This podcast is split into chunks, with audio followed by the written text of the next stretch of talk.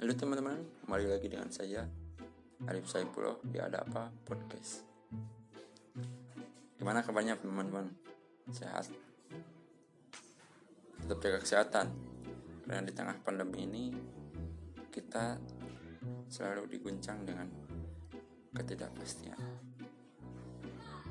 Kali ini saya akan membahas mengenai tipe-tipe mahasiswa yang ada di kampus. Apa sih tipe-tipe mahasiswa yang ada di kampus? Kalian tahu gak? Makanya dengerin ya. Yang pertama, mahasiswa kuda.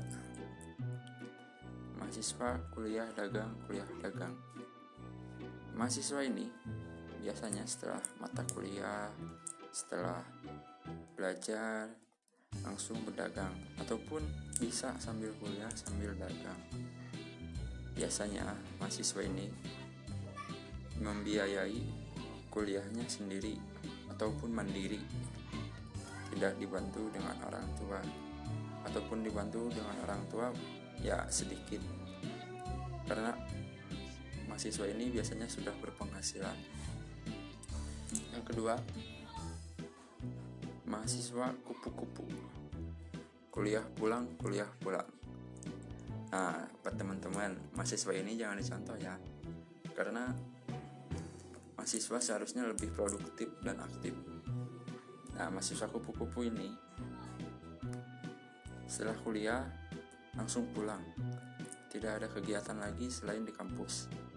Setelah mata kuliah selesai langsung pulang ke kosannya ataupun ke rumahnya.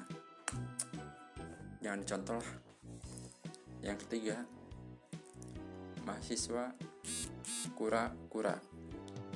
Kuliah rapat kuliah rapat mahasiswa ini sangat aktif di kampus. Bahkan setelah langsung setelah mata kuliah berlangsung mahasiswa ini langsung rapat di organisasinya.